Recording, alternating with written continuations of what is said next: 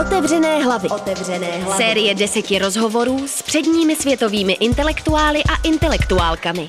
Otevřené hlavy. Každé pondělí po třetí odpoledne s Ondřejem Drhoněm na rádiu Wave. Byl při vzniku hnutí Occupy. Nejznámější je asi díky knize Bullshit Jobs, kde kritizuje nárůst korporátních úvazků, které postrádají smysl. Antropolog David Graeber je sice svéhlavý radikál, ale jeho knihu o historii dluhů chválili i Financial Times. S profesorem London School of Economics jsme se bavili o krizi politické představivosti, mezigeneračním střetu nebo naději protisystémových protestů.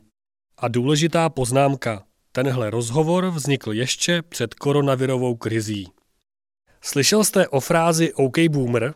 I understand the anger ano, chápu vztek, který mladí lidé vůči téhle generaci cítí. Zdá se mi, že takzvaná generace baby boomerů je dost možná tou nejdestruktivnější generací v celé historii. Podívejte se do minulosti.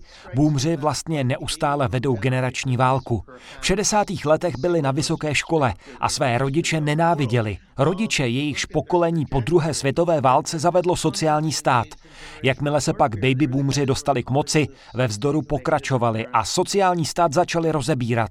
Své děti pak převezli privatizací školství a dalších veřejných služeb a nakonec zničili planetu, čímž de facto zabili svá vnoučata. Nemůžou si dát pokoj.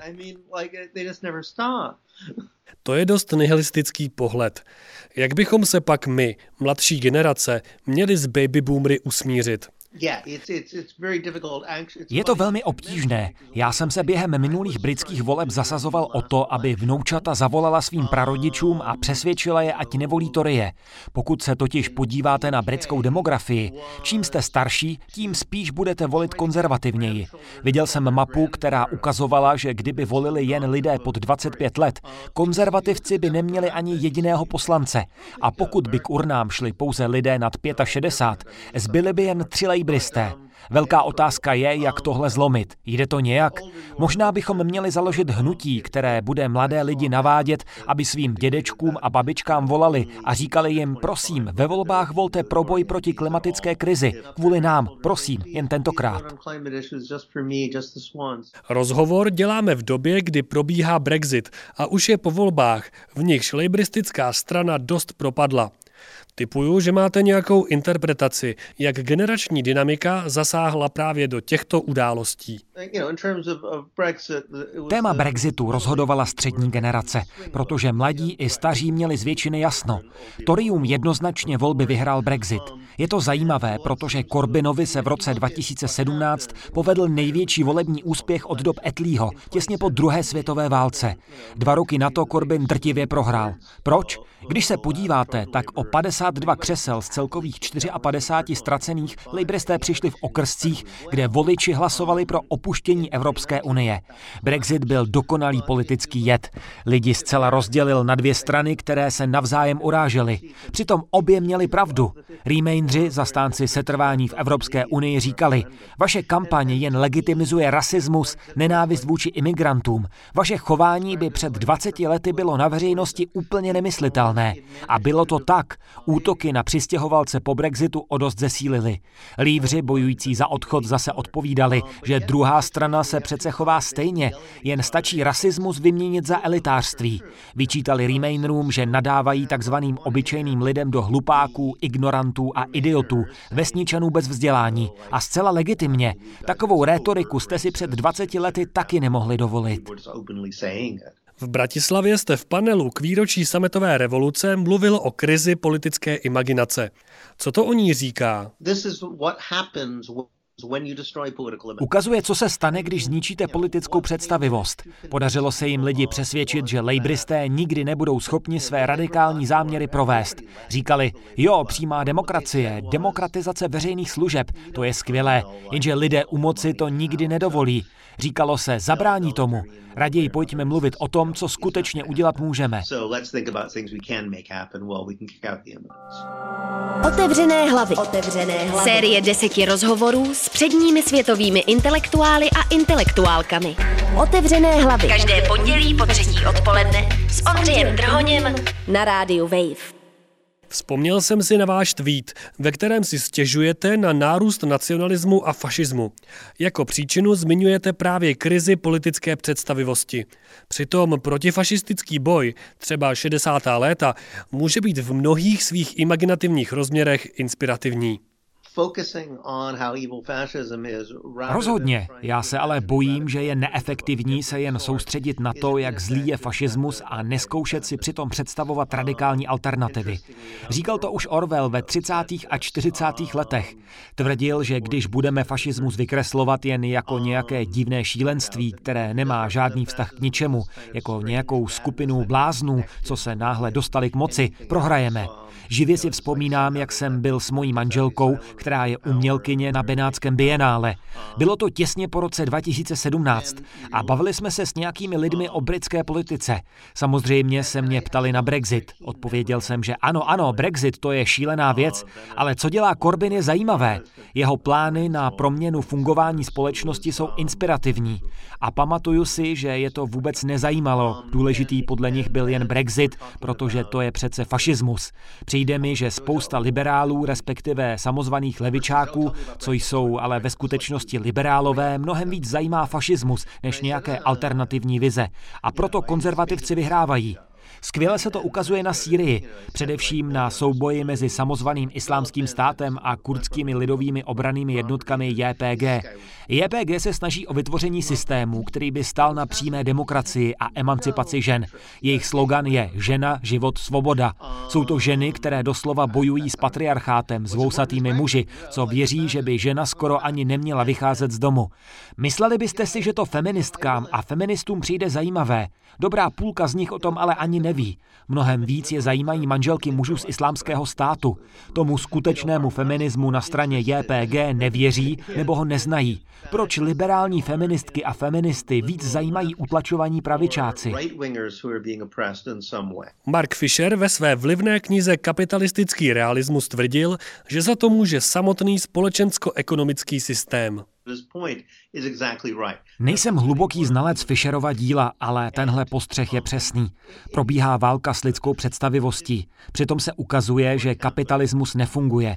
Stačí si rozebrat tři hlavní argumenty, které lidé na jeho podporu říkají. První z ní, jistě, je tu nějaká nerovnost, ale například rodiče z chudých rodin mohou díky němu doufat, že se jejich dětem povede lépe. A to už není pravda, alespoň ne ve většině bohatých zemí, kde mladí lidé slýchají, ne, nebudete si moct vzít hypotéku, ne, nepůjdete do důchodu a budete mít méně jistot než vaši rodiče. To je jedna věc. Často se taky argumentuje technologií, ať už máme v současnosti jakýkoliv problém. Kapitalismus vede k mohutnému technologickému rozvoji a až za 20 let budeme mít kolonie na Marsu, budou se dnešní problémy zdát jako maličkosti. To taky nevypadá, že by se plnilo. Místo toho se tváříme, jako by se 60. léta nestala. Je to vtipné, když se podíváte, co si lidé v roce 1910 představovali, že o 50 let později bude. Docela se trefili, ale představit z 60. let o životě dnes neuskutečnili se. Ale dobře, technologie je ve stagnaci. Co stabilita, třetí argument o prospěšnosti kapitalismu. Kapitalismus prý má rozšiřovat střední třídu a tím politický systém stabilizovat. No dnes máme Donalda Trumpa, protože americká střední třída je v rozkladu a podobné věci se dějí všude. Takže hlavní pozitiva kapitalismu už neplatí a přijde mi, že se mu daří ospravedlňovat se hlavně dvěma způsoby. Apeluje na morálku, znáte to. Každý, kdo nepracuje dostatečně pilně, je špatný člověk. Když neplatíte svoje dluhy, jste lenoch. O tom jsem konec konců psal své knihy. Snažil ukázat, jak tenhle svět zdánlivě zdravý rozum s morálním podtónem jen udržuje kapitalismus v chodu. Kapitalismus se taky prezentuje jako jediný rozumný systém s tím, že cokoliv ostatní je mnohem horší. V Bratislavě jste často zmiňoval etnografii a etnologii. Jak nám tyhle disciplíny mohou pomoci? Mluvil jste například o Madagaskaru. Ukazují, jak hrozně rozmanité jsou různé způsoby ekonomického a společenského uspořádání, uměleckého a mezilidského života.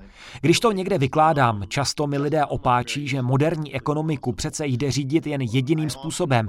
Jenže v historii lidstva najdete miliony různých způsobů, jak ekonomiku strukturovat. Mnoho zajímavých experimentů, které jsou často odmítány s tím, že jsou pro primitivní společnost. My jsme přece moderní lidé lidé, máme počítače, digitalizovaný průmysl. Jenže počkat, technologie nám měla přece možnosti rozšířit. Říkáte mi, že když ekonomika funguje na volských povozech, tak ji můžete přeskládat 20 různými způsoby, ale když je digitalizovaná, jde to jen jedním. To mi přijde nepravděpodobné.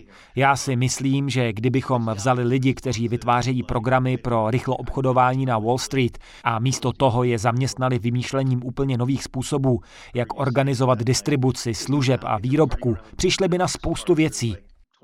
Na Madagaskaru se dobře ukazuje, že řada z našich předpokladů o lidské podstatě je prostě chybná. Pak vás to donutí přehodnotit spoustu věcí. Na Madagaskaru jsem se na přelomu 80. a 90. let zdržoval v jedné vesnici. Ostrov tehdy zažíval zhruba 30-leté období, kdy policie z venkova prakticky zmizela. S výjimkou škol jste se mimo města nedostali do kontaktu s vládou. Byl to zajímavý experiment s často skloňovaným zdravým rozumem. Každý vám řekne, že kdyby nebyla policie, nebyl by pořádek, tak by se všichni přece začali vraždit a nastal by chaos. No ve skutečnosti ne. Na Madagaskaru se nic takového nestalo. Proč jsme o tom přitom tak přesvědčeni?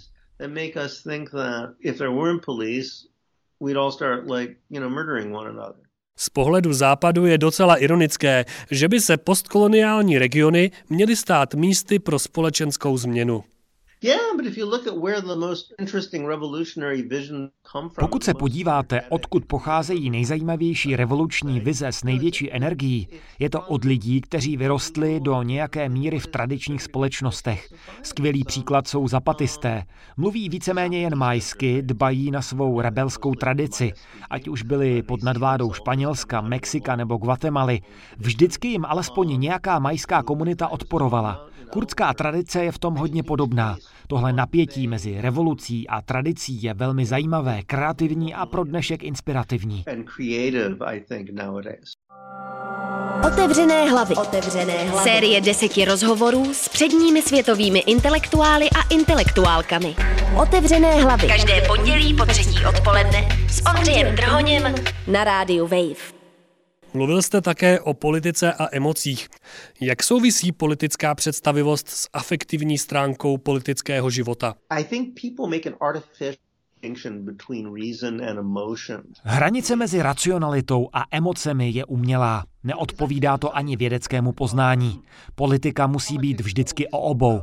Otázka je, s jakými emocemi pracuje. Dotýká se pocitů, jako je zášť či odpor, nebo láska, solidarita a naděje. Politiku prostě emocí zbavit nemůžete, stejně jako není bez emocí možný rozum. Psychologické výzkumy ukázaly, že abyste mohli řešit něco racionálně, musíte být schopni emoční reakce. Jsou propletené se samotným procesem myšlení. Politiku si můžete představit na dvou úrovních. Jednak to je to kolektivní řešení problémů a tady mimochodem vždycky pomáhá diverzita. Víc perspektiv vede k lepším výsledkům. Na tom taky stojí anarchistický způsob řízení. V širší perspektivě je ale politika taky o vyvažování nesouměřitelného. Jsou věci, které ekonomie nedokáže modelovat. To může být i taková otázka, jako jaká je nejlepší restaurace za dané peníze. Nemůžete to spočítat, jenže lidé o takových věcech rozhodují neustále. Přitom veškeré ekonomické chování je postavené na takových nevypočitatelných volbách. A politika je v tomhle velmi podobná, protože pracuje s věcmi, které nejde dost dobře přesně poměřit. Je to rozdíl mezi peněžní a morální etickou hodnotou. Stejně jako nemůžete spočítat hodnotu rodinných hodnot, tak nejde přesně spočítat, kdy už není v pořádku svoji rodinu zanedbávat kvůli umění. Lidé ale takové kalkulace dělají pořád. Nemůžete je ale nijak modelovat a o tom je politika. Bere tyto absolutní hodnoty, jako je pravda nebo spravedlnost a přestože je nejde přesně poměřit, snaží se mezi nimi, respektive různými hodnotovými vizemi najít rovnováhu. Tenhle rozhovor děláme chvíli po protestech v Chile a Brazílii. Aktuálně probíhají taky velké protesty v Hongkongu. Vidíte v nich nějakou naději?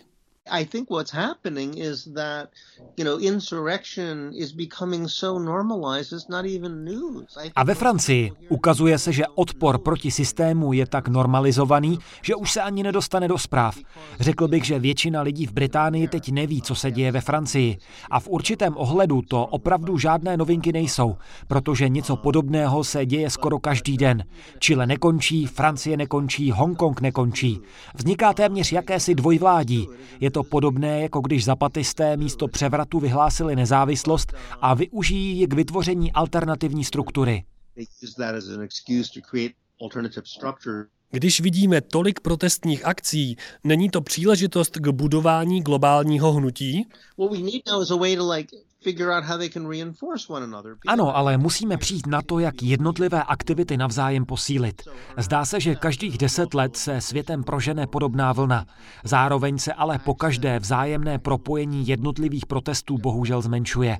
Částečně za to mohou síly, které se je snaží potlačit. Okolo nultých let to bylo protiglobalizační hnutí, masové a koordinované mobilizace po celém světě. Deset let na to se objevilo Occupy, arabské jaro, Occupy Europe. Jen jenže brzy poté, co se začaly měnit v něco celosvětového, byly velmi rychle potlačeny a nyní se v globálním měřítku neděje nic. Chybí propojení, chybí struktura. Ale počkejte deset let a bude se to dít znova. Nemáte alespoň předběžné nápady, jak k jejich propojování přispět? Předně si musíme přiznat, že probíhá globální vzpoura. Lidé odmítají volbu, kterou jim média nebo politická třída nabízí. Na jedné straně máte vyprázdněný levicový obamovský centrismus, který kombinuje nejhorší prvky trhu a byrokracie, ale je nám přitom neustále předkládán jako ta jediná realistická levicová politika. Na druhé pravicový populismus. A lidé došli k tomu, že jestliže tohle je všechno, co jim systém nabízí, tak ať jde systém k čertu. Chtějí vybudovat od spodu něco nového. Dalším krokem je propojit se, budovat infrastrukturu pro vzájemné porozumění, a výměnu myšlenek. Všem nám totiž jde o to stejné. Všichni odmítáme sebevražednou a katastrofickou politiku. Je zajímavé, že ani jedna z těch oficiálních alternativ neřeší klimatickou krizi. Ano, na jedné straně máte Trumpismus, který říká, ať celý svět schoří, a na druhé makronismus, podle něhož to sice nějak řešit budeme, ale na úkor chudých. To je jediný rozdíl.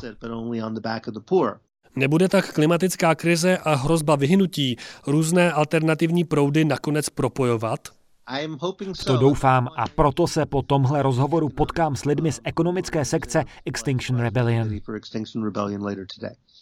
Slyšeli jste rozhovor s antropologem Davidem Graeberem. Příští týden se můžete těšit na rozhovor s filozofem Alexandrem Duginem. Bavit se budeme o tom, co mu vadí na modernitě, nebo jaká bude úloha Česka v novém světovém řádu. Naslyšenou se u dalšího dílu série Otevřené hlavy těší Ondřej Trhoň. Otevřené hlavy. Otevřené hlavy. Série deseti rozhovorů s předními světovými intelektuály a intelektuálkami. Otevřené hlavy. Každé pondělí po třetí odpoledne s Ondřejem Trhoněm na rádiu Wave.